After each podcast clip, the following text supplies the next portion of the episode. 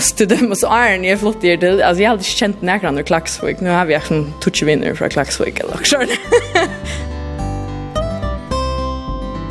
Men det är så att du försömmer något annat för att du sitter här. Nej, nej, nej. Det är avska skolan ganska och du. Visst det ska vi rätt. Onka du luna och sen såna ung förälskar i för som vi vi fjörden. Det kan gå här fram vi och så knappt så kommer det vi barnavåknon.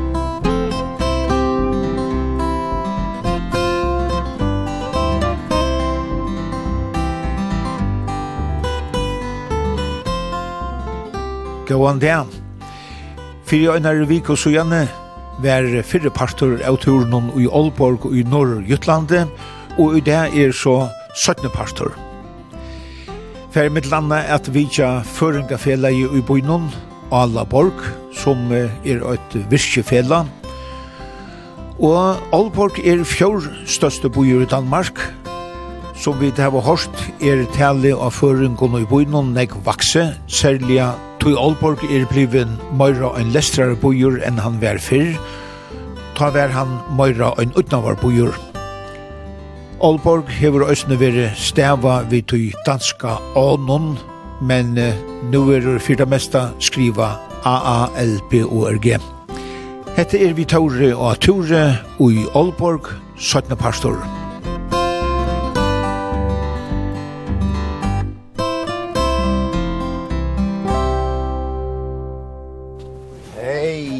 saus. Skal jeg ha penger? Takk for det. 20 kroner. Ja. Ja. Det ser godt ut. Ja. Nå sitter jeg inne i hullen og tja føringafjellene i Aalborg. Alaborg, Øydeda, og her er det så tvær nevntalimer sammen med meg. Guri Kjoros, nevntalimer, og Brynjolver Sigurdsson, formøver.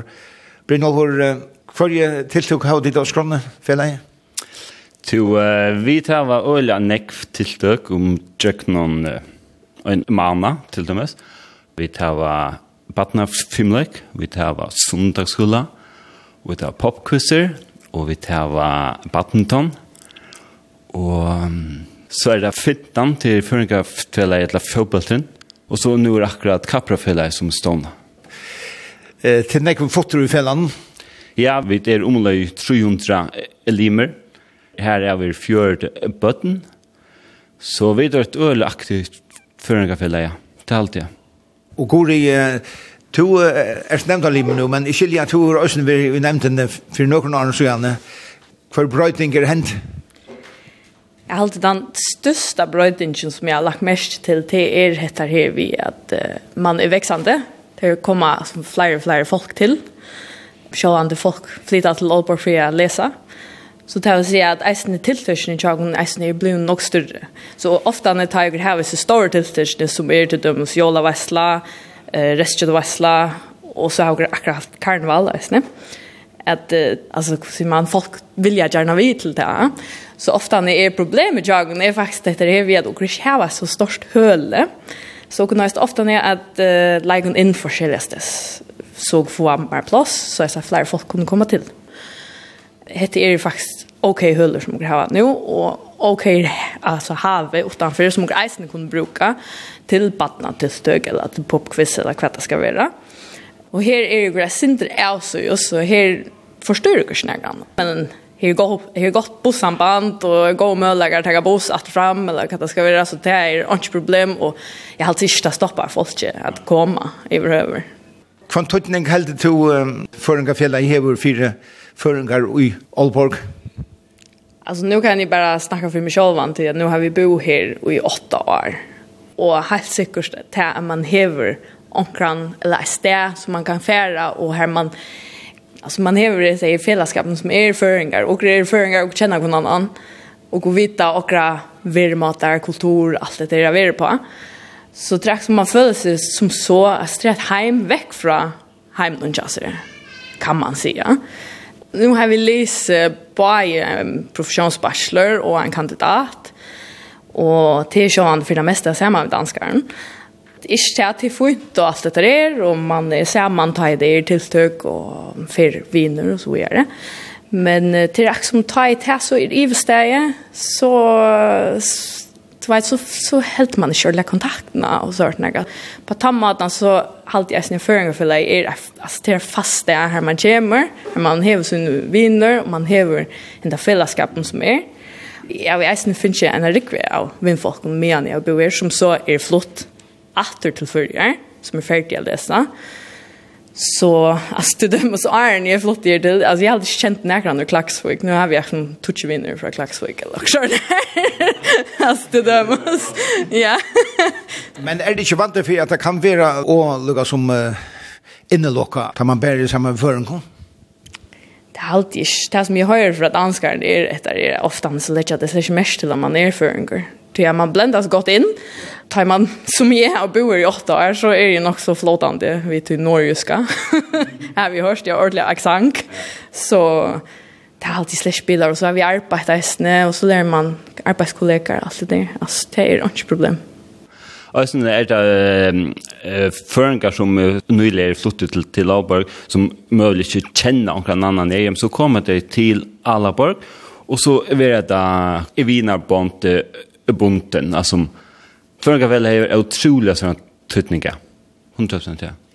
Som i Kildeland, og så er Aalborg nek brøtt, altså det blir jo en mer lesere boer enn det var før. Det er mye vel til at, at flere føringar er kommet til boen enn før. Det er det helt sikkert. Bare jeg flyttet her til 15, 2015, og bara som man hikker ett bojen om hvordan nok vi blev bygd så jag antar hvordan nog bygninger og lester vi blir det den gjort så jag antar det lägger man ju eisen myrsel av folk som kommer till. Det blir nog mer attraktivt, men du lägger eisen myrsel där vi är inte alla inte gör. Jag ska för turer där ger att Allborg nu i mån till fyra tygene. Vi vet inte vad tror jag för om veckorna till sommar. Ja. Det är ordentligt gott. Det betyder bara att det är bruk för dig. Ja? Så Allborg är en god läsarbojer? Det är en ordentlig god läsarbojer. Helst eisen är vi att ja, till allt er så nytt så først du en fina uibo, lästra uibo som vi spilt nudge för alltså tar pengarna som man nu ger tar man läsande för en sån bibliotek kanske en 4000 kronor den här eller i mån till hvis du får København eller ringta få några och det gamla byggningar kanske kostar sen mer på tammaten halt i eis till attraktivt attraktivt Brynjolver, her var det noe særlig spennende tiltak og skåne nå om det ene. Det aller største tiltaket som vi har haft, det er jo Aalborg Karneval det er og jeg år vært det over 100.000 folk som ulottøker, og av de 100.000 åtte vi omløy 300. Og disse 300 folkene, det kom bare ur København, ur Førjon, ur Aarhus, alle sannes, for at være sammen vi førenkraftfellene til kongen, eller så sånn. Vi tar jo bygd en større slupp, som er uimynden av Førjon, og i Aalborg, kanskje. Og hon blev så ferdig i fjør, og så gjør det noen forandringer til henne og i år. Så i år har vi et øyelig gav kapasitet vi trykjøren ombord av baten, som vi finner transportere ur førjen. Så karnevalen til er holdt sikkert det aller største tiltaket som er i Aalborg og som forengar ordentlig gjerne vil jeg komme til.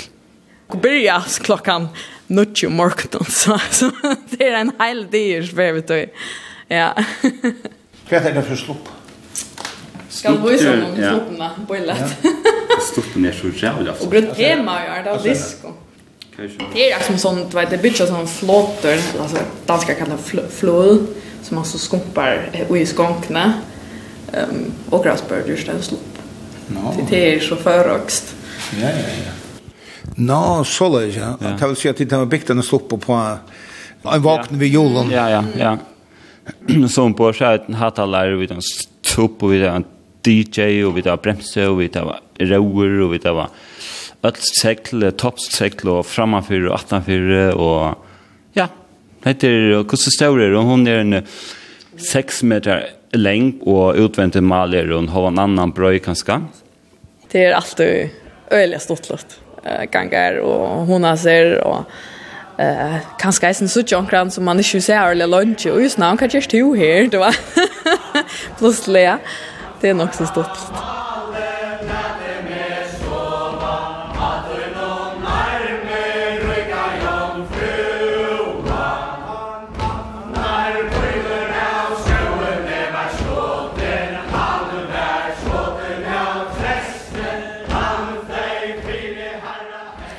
Østene hever Alleborg kjipa fyrir at det var kvøtt her i Allaborg.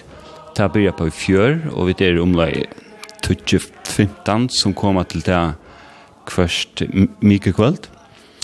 Og nu om korsa tøy så er vi bøyen til til Åtnese, til Føringkafelle her på nær, til å bjøre oss til et hundakvöld, der som vi kommer kvua og, og vi får et eta, og hona oss saman. Så til runda at stimpra førskommentan her i Aalborg? Ja, men tøysen tøy at vi er jo flere ungkebner som har kvart fyrir og, og, og, og som er jo flott til Aalborg ved at lesa, men stadig har vi ikke til her at her var det uisar at man tog med vel dansen, og, og, og ja, men, hva gjør vi så? Ja, men, så, så samlar vi dokken, og så sånne vi fyrer vi får kvoa,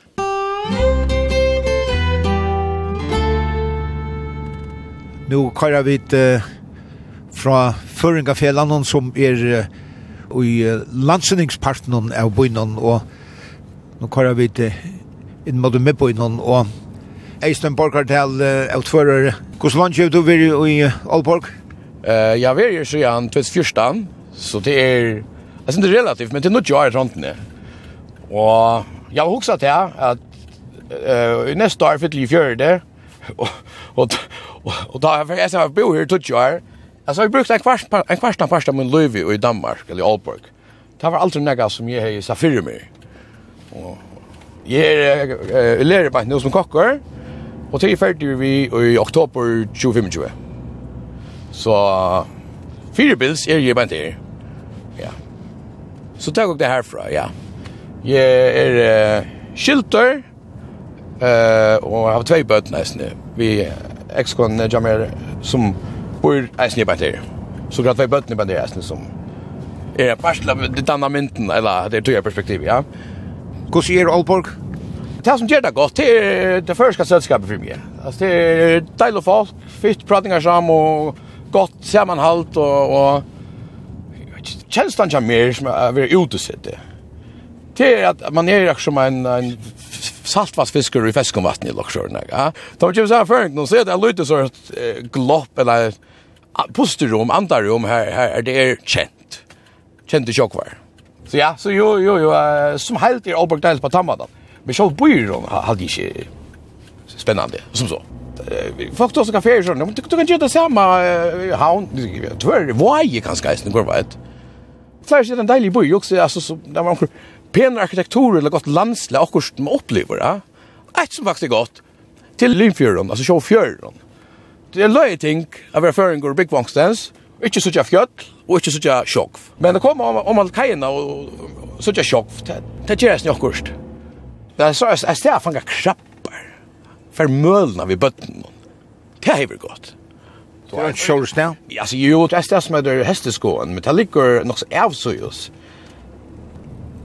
Mippen kunde vi hon i halde jag. Det är nog pitcha i gång då sådana alltså där blev ganska friare friare. Men falskne att det är deilig. Det ska Albergassen eh få men det ganska folk kan säga. Men då man också väl Norge där. Eh nog så avslappa Sjón, det er ikke lukka avslappa føringar, men, men man føler seg sint mer heim er enn hva man høyrer til lønns folk i, i Kjeppmann hans. har alltid eisen i året, så jeg visste om hun. Her er sint mer stress og sint mer res. Her i Norge der, kanskje sint mer hon har lyr her. Jo, det damer bra. Folk bløy og gesta bløy og sånne gøy. Det har vært samme før en gang. Det gjør bojen positiva för mig. Och för en gång føler i Aalborg är veldig aktivt. Det är nog tiltøk och, och gott sammanhåll. Och så, så generellt är det rettelig å gå oppmøting Och för att å tenke passende at Alaborg er besta føringa fella i regionen. Och jag hade att det är ett ölla blött och bestämma att man ökligen bara komma. Eh, inte skulle klikot. Ta ta de mest ölla väl. Ja. Så hvis man skal uh, åttalanda lesa, så er uh, så kan Alborg vimmelast. Gjerstalia. Ja, bøyren som går brokka gjennom Johanne, han er lokal menning, og til bitje i fulltrøn til Lucia Lessar og i og sånne.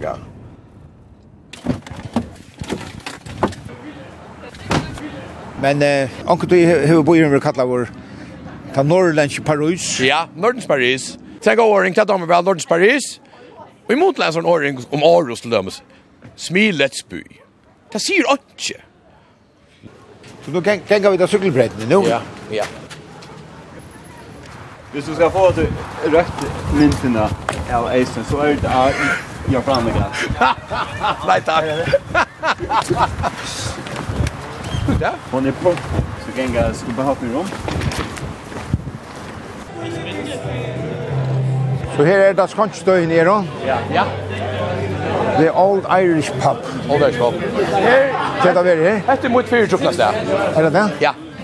Alltså, jag vet ikke. Hun har løtt. Ikke for noe dakke dakk tonelager.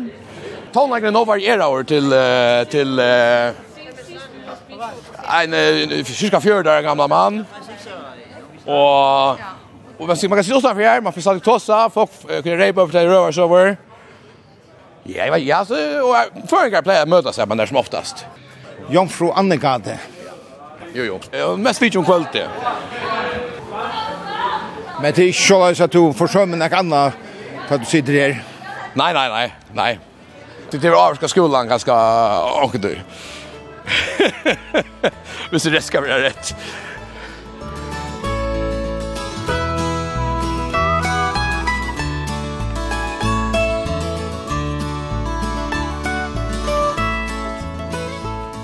Hette er en som er her i klosterkæren. Ja, ja, det er altså, ja, uiboer, ja. Og hette klosterkirken, ja. Klosterkirken, Og Lisbeth, så her er det her føresko godsannasner pleier vera. Ja. Eh og det var Erik Ludvigsen som, som tar er flott ur Norskjellandet til um, Norgeland, fikk prestastav i Oskar kyrkje, som ligger bare utenfor her, her Aalborg, og vilde feien uh, halda fram vi at det her var godsans fyrføringar, og ta fikk i så samband vi Erik Ludvigsen som var føtter og bo i fyrrjum fra 1925 til 45. Han bo ta her av klestron, her en, en 30 uiboer. Han var 55 til han døy for noen år siden. Det var nekvi føringar som var flottet til Hissas i samband vi kreppena. Og det var nekk ungeføringar som flyttet til Aalborg sammen med eh, Aalborg Universitet at lesa. Så også vi sånn, det er nøyot at vi til Øystein får at han først evangeliet glede på Øystein skal Øystein gjør i Aalborg. Og han har så godt samband, så han kunne syrja fyrir at vi kunne lana kyrkene. Og nu har vi et land, jeg tar så inn 55. Så vi tar hilde til her, haft kvart år, en jólagostans i desember måned, rettelig tullig i desember til fløyføringar for heim, alle jól, og og så at den har pasket. Men vi til at du har godstanser og skapar en møynighet, og det har vi gjort. Og det har kom alltid rettelig folk, og jeg pleier å si at det er den engste samkomman som er i Norgeland, det er nekvar badnafamilier. Og vi tar vi utfyrir ut i landstålar. Uh, og vi tar vi så heppen, og jeg har haft vitsan av først om kauren. Kauren til Johanne, vi her tverferner. Og som sagt, alt er Kjolboi Jans Nåls hever og som døg for herrens hender for två år siden.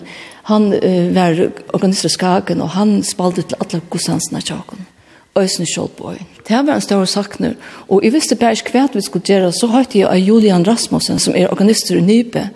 Og han var så, så fytter beina ved å si takk at jeg ville han ferien, og, og ta i seg via ham, du forstår ikke, det var ordentlig, det ville han eller han vil få en hjelp på oss. Og han har ångten haft en forskaren trompetist eller noen annen visser som han, han er tilknyttet til. Så her har vi det omedelig heppen og ser takk som for at det blir til. Og så den første kvinnebalkeren har som mer og mer øyne ved ugen i samband vi Gustavnasen sås at et bi jaunan Annika Jensen og Heidi Haraldsen der synja oppi av loften her. Det så er det her forsankere. Og nå har vi Sonja Arjaboa, som nek kjenner for henne, her og nek har hans år, og som vi dekner seg akkurat, altså blir inn og utgangsbøen, men nå har hun sagt det fra seg. Og nå er det Kari Olsen, Kari Olsen, både Torbjørn Olsen og, og Torbjørn som er flottet til Danmark, bor ut i Svenstrup, på en utan fyra, Aalborg, og nå er han tidsi vi. Og så som kyrkjetennere her, nå finnes jo Karen Simonsen, hun stender til å tenke teker åter, kanskje en papi henne har vært dekner i, i Hanar kyrkje. Og ja, og så kan jeg si at Førengafellet er til unge, og Førengafellet noen, og i nevntene, og andre teg bæka, nekva kaker, og gjøre en gavandrekkamon og kyrkjekjallan og i domkyrkjene ta med til at det er større antutning for Jakob. Og det, og det som kommer til er fastbyggvande og til lesande som er her av en av tog, ofte han kjent for seg at tar føringer som ikke var hjem, for han skal vite han urføringen av foreldren, så knappt så sitter foreldrene her i Østene.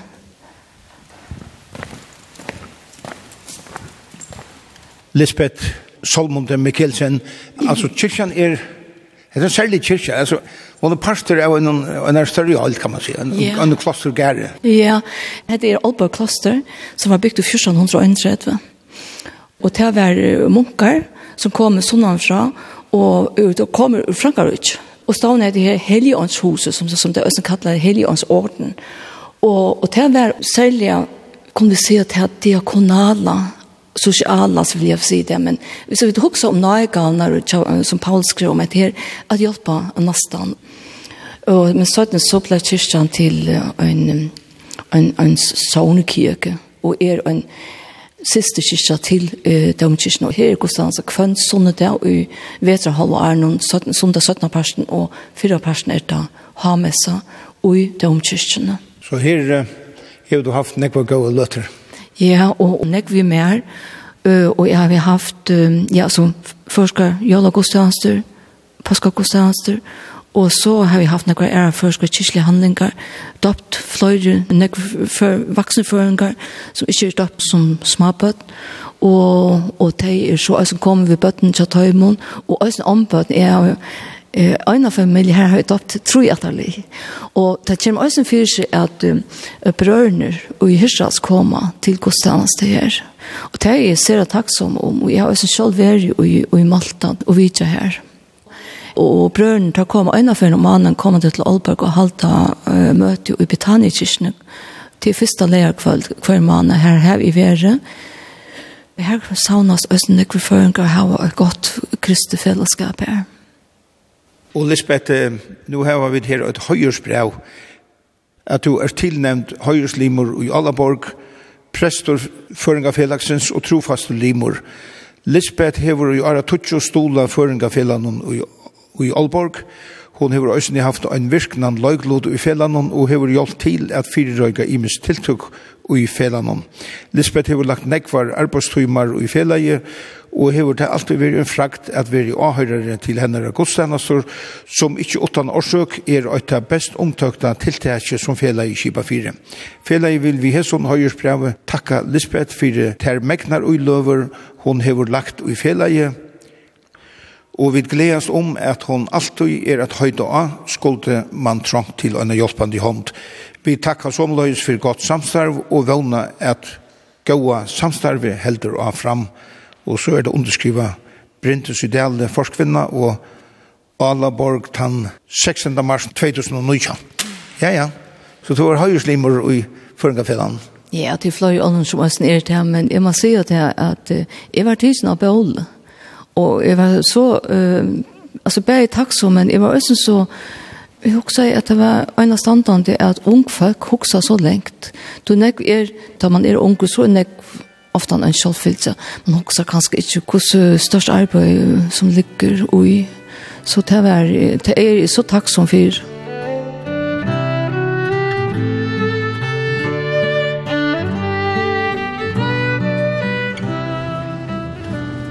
Nu kører vi 55 meter op.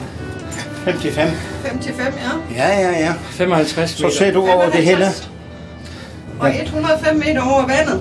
Ja. Over Limfjorden. Ja. ja. Ja, han sjakk, nå er vi av vei oppe i... Nå er vi av vei oppe i Alborg-tårnet.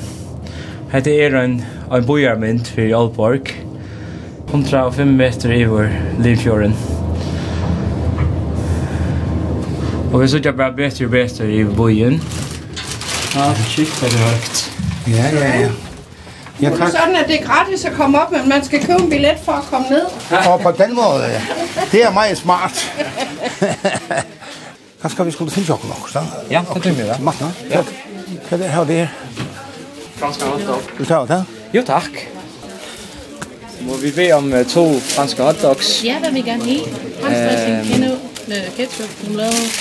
Ketchup til mig. Og, ja, fransk rejsen til mig. Ja, taler I sammen? Ja. Nej, det er fint. Og to billetter. Ja, ja tak. 230. Ellers, og hvad sker der, hvis man ikke vil betale billetterne? Ja kommer man jo ikke ned. Så kan man så sove her, eller hvad? Ja. Man kommer til at arbejde, gør man. ja. Det er de to, I viser for turen ned. Tak. Det var så, man siger, det her smagen. Vi må søge af Limfjorden, et eller andet, som uh, nordmenn sier, hva sier du? Klisterfjorden. Klisterfjorden, ja. Du, her søger vi et uh, Atlanbojen. Ja. Ur Aalborg Tornen. Ja, øyla, øyla flott utsikt her. Særlig en dag som i dag. Og man kan, uh, man kan søtja alla veien rundt. Panorama runt om Atlan. Uh, Atlan bojen. Man ser nog också i Ekholm här då kan vi.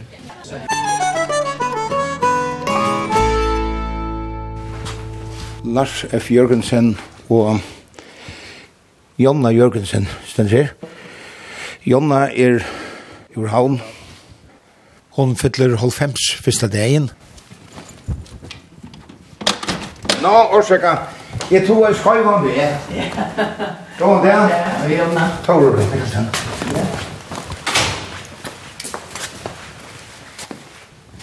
Ja, ja, ja, ja. Takk for det. Altså, det tilknytning i Danmark, det var Aalborg til Åkken. Så de foreldrene kommer bo i Førje. De får jo alltid til Førje, åtte år, at han har krutje, så får de alltid til Førje. Med meg kommer fra Aalborg. Jonna Jørgensen, uh, skal jeg si, tion? Nei, det er gammeldags. Nu sitter du hører alt, men nei, nei, nei, ikke tion, det sier jeg ikke. Når først du ur, ur följen? Nu känn hon till 46. Får vi. Det var 12 år. Tog papp min uh, arbeid innanför postväsen. Og han skulle, hvis det skulle avancera så skulle det flyta. Og så flyttade vi til Sønderborg. Ta. Og det var virkelig vanskelig for mamma måned. Så hun kjente ikke til det tysk dangst og alt det. Og bøttene tror vi var tyskere. Det spurte etter. Så vi sier mamma og vi sier heim. Og det tror vi var tyskere. Det var øyelig ringt, og mamma fikk å vite hva forretninger hun skulle handle i. Tog at man ble oppopulær hvis man handlet i tyskeren. Altså, men ikke det som vi gikk i skolen, vi, tar blir vi aksepteret. Og i skolen tar jeg det ikke annet enn Torshavn. men vi bor i Østlandet her, så litt til Holbæk, Kjellandet. Og her bor vi så i åtta år. Så flyttede forældrene til mig efter til førre Og jeg kom så til København, hvor jeg møtte mannen til mig. Han var studerende. Og da jeg ble på vei, så var vi nødt til å gifte oss. Og, og nå er hun så trus ble med om en ferdig som kemiingeniør. Så flyttet vi til Aalborg i tve år. Og Og så flyttet jeg til Schweiz. her bor vi i tre år. Og så fikk han arbeid i Sønderborg. Her var vi til å gjøre, Han arbeidet til Danfoss. Og så etter til Aalborg? Ja, da vi ble pensjonister. Det var det. Aalborg, det var sent som vi også foreldrene så hun bor vi her, og vi da var helt i jævl og påskar og alt her i Aalborg. Og her er godt å bygge som pensionister? Det er deilig å bygge, altså virkelig, jeg fikk i øyla blod i Aalborg. Det første vi opplevde er til at er at det var nægge, vi vet vi oppvarsmaskinen til åkken, vi ringte så til en tekniker, og han sier han hei, sånn dimsla seg da, i, så kom han, vet du, det kostar ikke, Og da vi handla i forretningen og så, så sier selning et eller annet så sier det, ja, vil være, hvis du går hen der hen, så har de det der. Det er anbefaler konkurrenter at man kan handla her. Jeg hadde, det er øyelig blod i Aalborg. Vi befinner oss godt her. Og så har det sånn eldresenter, aktivitetssenter. Her ganger vi til fitness, gäng gymnastik och yoga och landskaper och sånt till gratis. Och vi får en uh, rangering kyrkningskund der kommunen kommer til renter. Og de kom på vidtja okkon hun og vår og spyrja hvordan vi har det, om vi har behov for mer hjelp. Så jo, det er virkelig velkommen her. Og skilje at uh, tid kommer Og sen det samme vi føringen framvegis. Ja, ja, ja, ja. Vi var vi til å starte føringerferie i Sønderborg. Altså, jeg er først. Papen må si alltid at hvis det var et eller annet som jeg, jeg sier det, til at du ikke er et eller annet, så sier du også færing. Men det er jo vi er med hjertet i føring. Og vi det var alltid tåsa dangst vi pappa munnen og først vi var med. Og det fortsetter vi til vi kom til Danmark. Så vi tar alltid til oss først. Og til andan tar mamma da for dagen hun har finnet en blåpropp i hjertet. Og hei hun respirator, hun kunne ikke snakke. Og så sier sykasøsten vi kunne skriva til henne. Og vi skriva i aldansk. Til hun kunne ikke skriva først. Så nek var det brøyt? Ja, men jeg har vel lært først, men jeg vil ikke, altså, til, jeg dub ikke å skrive det ordentlig. Så vi tar danske bøker, da jeg gikk i skolen. Jeg hadde, vi hadde døyre lærere, det var et først. Men ellers hadde vi danske bøker, men vi tog seg først til tøymannen og sånt. Det har vært øyne tro på lett til. Jeg synes det er det han er. Hvordan da? Så i mere måden han vil finne næserblå, og han får blå for tån til medisin. Og han er vel suttet for en av ta om til forstå folk, og han ligger her inne vi. Vi alt mulig. Han er vi, vi har talen i natt og kom hjem i morgen. Nå, no, nå, no, nå. No tog er han ikke inne i stålen. nei, nei, det er forstand. Takk, takk, takk, takk. Ja.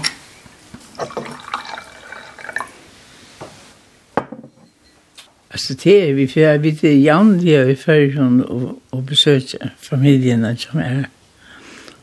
Men det har vi gjort siden vi var helt unge og vi var nekve førgen. Men nu er så godt samband mellom Førjar og, og Aalborg. Førre for en vikene vi flå færre. Ja, men det tog verre så, så fikk vi ikke. Jeg halte til at jeg har vært så hjertskift og det kronen vi stod av første flikkbaren. Det var krutsk. Og jeg har omkant tår å se dem inn i flikkbaren. Jeg halte det kjem fra tog. Så vi tver her er vi nærrøna. Alt tog. Vi så har vi bilen med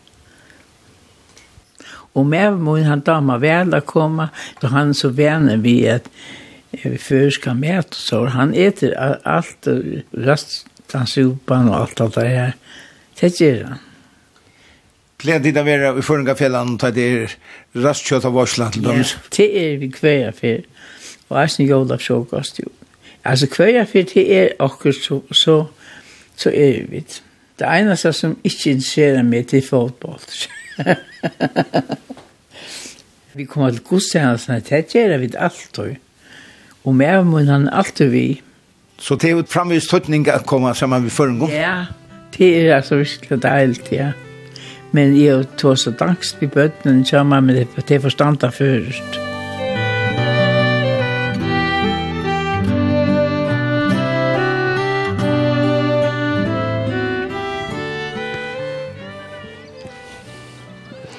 Kvinnan er i føreska fotbollsfilan i Aalborg, Fintene, spela dist. Og til liet her spela mot det Restrup IF.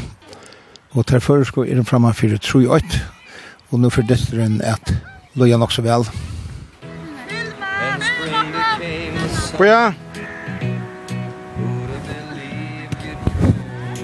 Ja! Ja!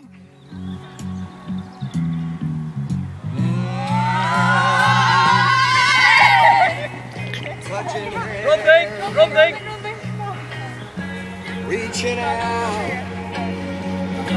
Touching me. Touching you.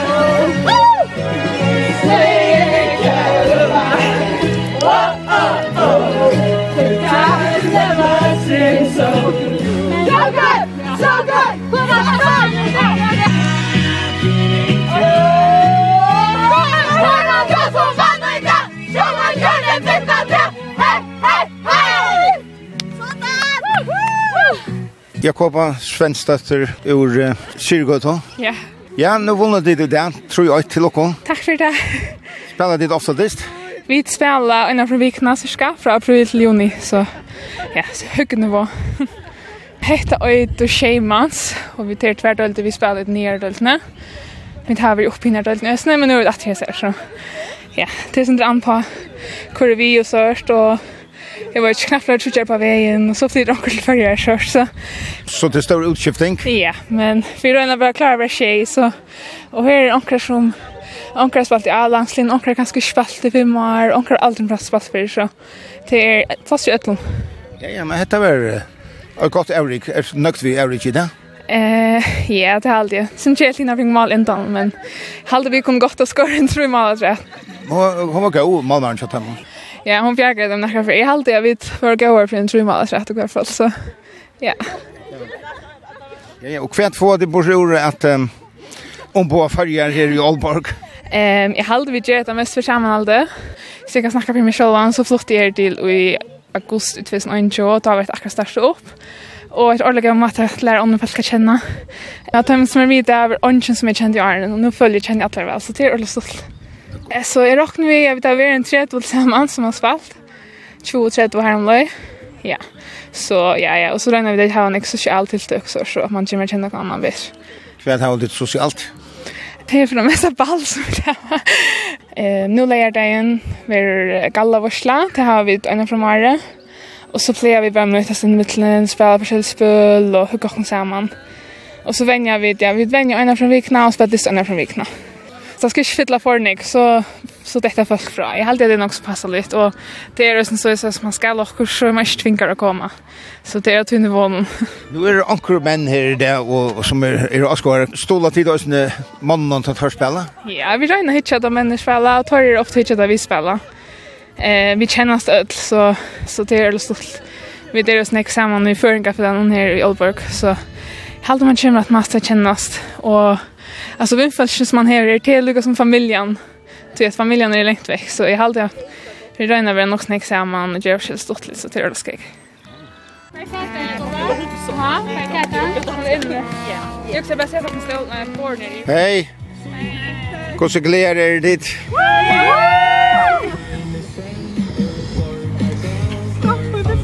Sola är Så var det. Daniel, Daniel, Daniel, Daniel. Tørre, kom du på. Kom du på, Tørre. Skal lägga framför. Lägga, ja. Lägga. Fotografen till Karin, som du stod lägga framför. Yes! Yay! Ta nu tjuma skotteren tja, fintene. Ja. Ja, Maria Klakstein, du fikk sant færfer i nettet i dag. Ja, det gjør det var det nøgt vi average kjøttinga? To, jeg halte jeg vel nøgt. Uh, det var rævlig høyt å spille. Vi er ikke venner ved det. Jeg visste det er så høyt å spille. Men jo, alt er ikke vel. Vi fikk uh, tver vattpauser, så det var vinnes å slå. Var det avtale, Arjen? Ja, vi spurte dømeren og ytterlig om det var leie, og det var det.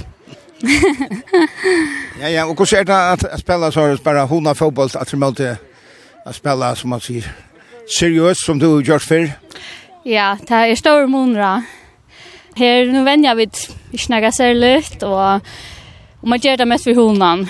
Så det var, så var det mer, nekk mer seriøst enn det nå, så ja, på nu med man läser og så så er det helt fina så slä.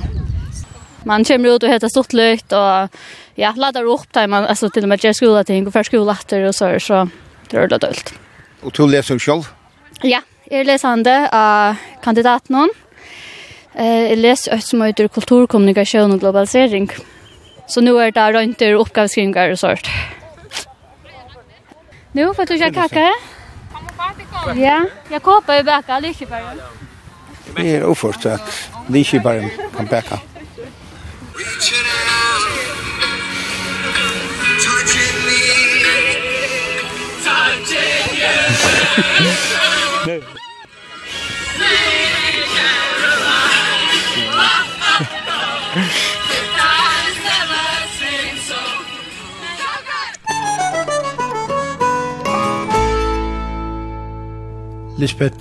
Solmonte Mikkelsen, nå sitter vi av Svelan og her kjadar, bant ut til Limfjøren, og vi sutja bojen framvi på meien.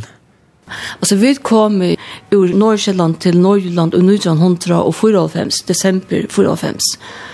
Og, og jeg fikk presta en bæt i Voskå som ligger til sammet av vi Klaksvik, av en boi 5000 folk, som ligger 12 kilometer utanfor Aalborg.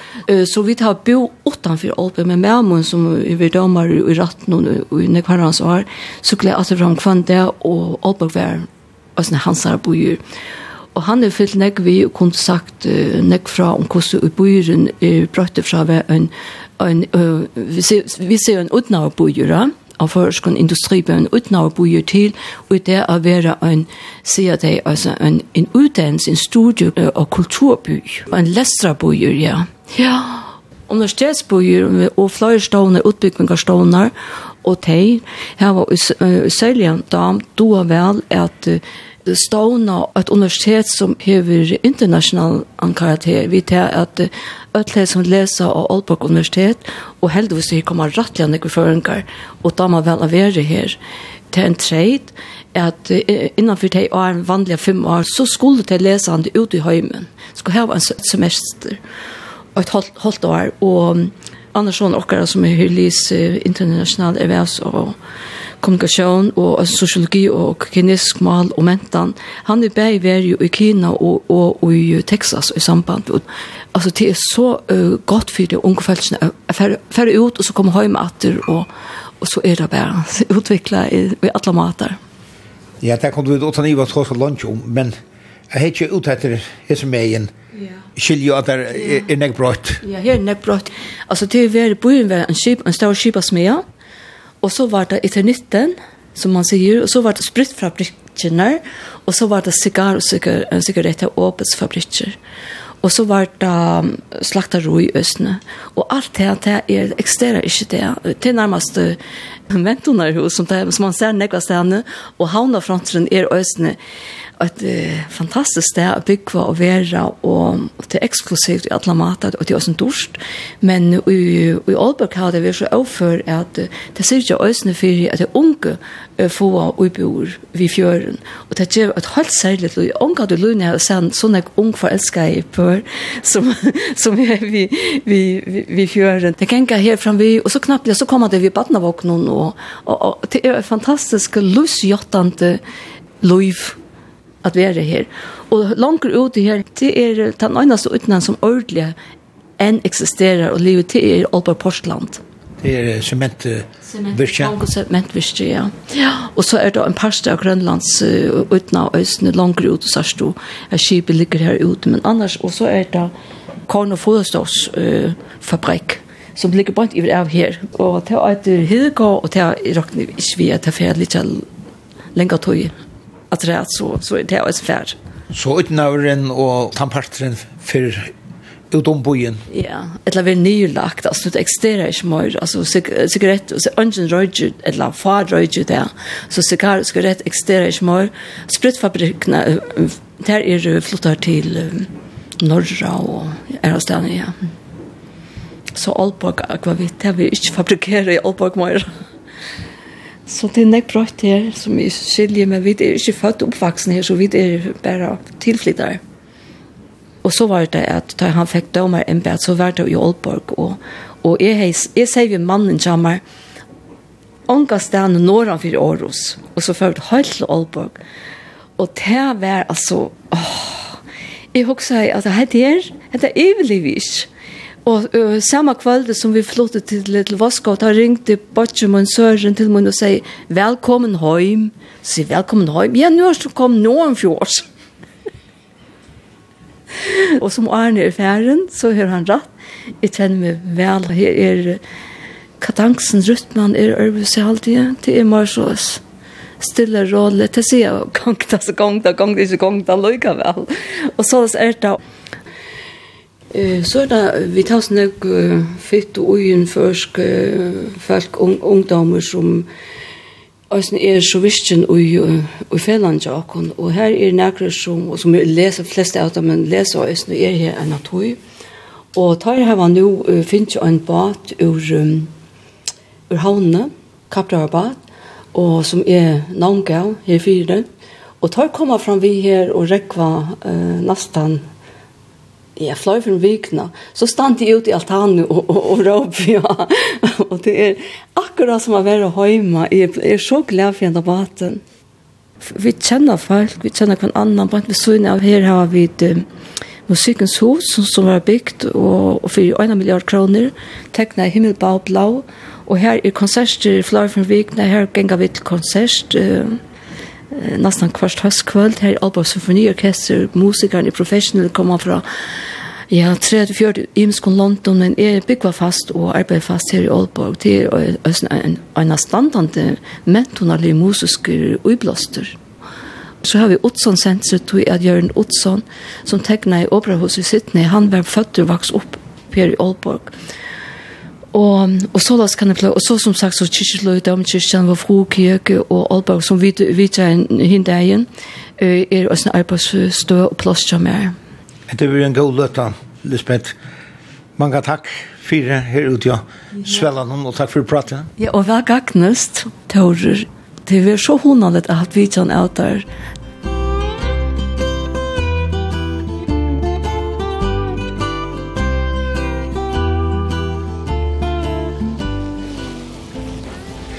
Her er det så unger mans, vi med bøynen i Aalborg, som fyrir røyga akkurat. Mitchell Olsen og Brynjolfur Sigurdsson, klaksusengar, og så anføringeren Hansjako Abrahamsen. Hansjako, hva er det skånne nå? Så nå færer vi den tur ut i Vestre Fjordpark og spiller beachvolley. Øyla lekkert, så ganger vi bjørn bippon, tatt i Seoul og bjørn en iverkroppe, og som en annen strandleiva.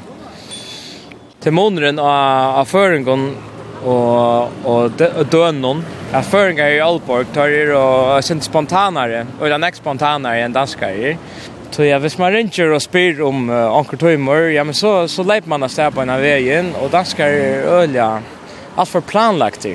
Det er skjema i er øyla ofta fullt i dem, og det er planlagt gjerne en av vik og et la tver fram. Og, ja. Når, når kom hette hoskoldet? Det kom for 20 minutter så igjen, og nå er vi utfyrra og røyna finna 2-3 ganske. Ta nytt är inte spela några danskare nu. Ta kunde bara nästa vecka. Hallo vinnaren. Kar Jakobsen heter han. Hallå vinnaren. Där får Hei se. Hei hei. Nu vad säger du? Kan jag stå? Jo, jag sitter och läser. Sitter och läser? Ja. Och är som väcker någon? Jag sitter i Atlanta. Kjem du ikke å spille flåbølt?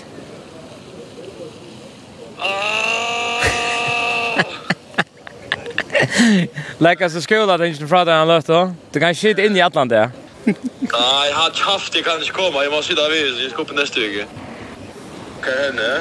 Västra Fjordpark. Har du inte läst alla veckorna? Nej, alla alla dagen. Jo, jag det alla dagen. Vad ska jag göra? Eh, jag och Mitchell, Brynjavor, Allan, kanska Stefan. Åh. Hvordan? Ja, vei. Teitur. Teitur så överraskar så här. Ja. Alltså telefonen från Lickrong det bara två dagar och så kör han till flight mode där han till Airboy så tänder han till att ja. Vad ska det till Taurum och så spyr jag om tajt. Det har jag snart gjort. Barur og Brian skulle være badnagenter. Skulle være badnagenter? Ja. Tja, de tar ekne badnagenter. Tja, tar ekne badnagenter, ja. Badnagenter, va? Jo, jo. Eller annet. Michael, damer der ikke øyne til, vel vi føringen her i Aalborg. Altså, hva ser, hva ser måneden av føringen og, og døgnen? Jo, som du sier, altså, vi er øyelig ofte vi på at det er på en veien, Och danskar skulle som oftast bruka 4-5 timmar och vita om om det vi på det visst. Ja. Så det stort vi Lucas som bara kan läpa städer att vi vilja. Beach volley, det är strand Santa floorball. Strand av det kan man gå se, ja. Jag ska möta klockan, han får ju nu kan fjörja.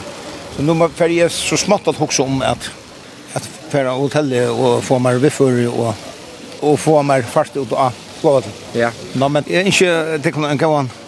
Dist. Jo, takk for det. Og takk for det. Gå en tur hjem. Ja, takk for tøyene her. Det vi hun alltid haft det av vitjan her i Aalborg. Og du skal alltid være hjertelig velkommen, Astur. Takk for det. Ja, takk for det. Så takk.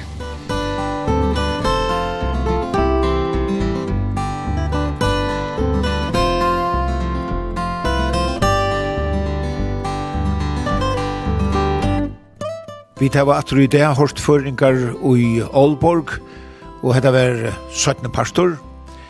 Henda sendingen vil atter at høyra i utvarpnum torsdag klokkan 11 og leierdag klokkan 4, og hon er òsni og heimasugin i kjøkringvarpnum, skriva kvf.fo framskak tt. Og her er trett er hon òsni som podvarp. Vi Tauri og Turi hefur suju av Facebook.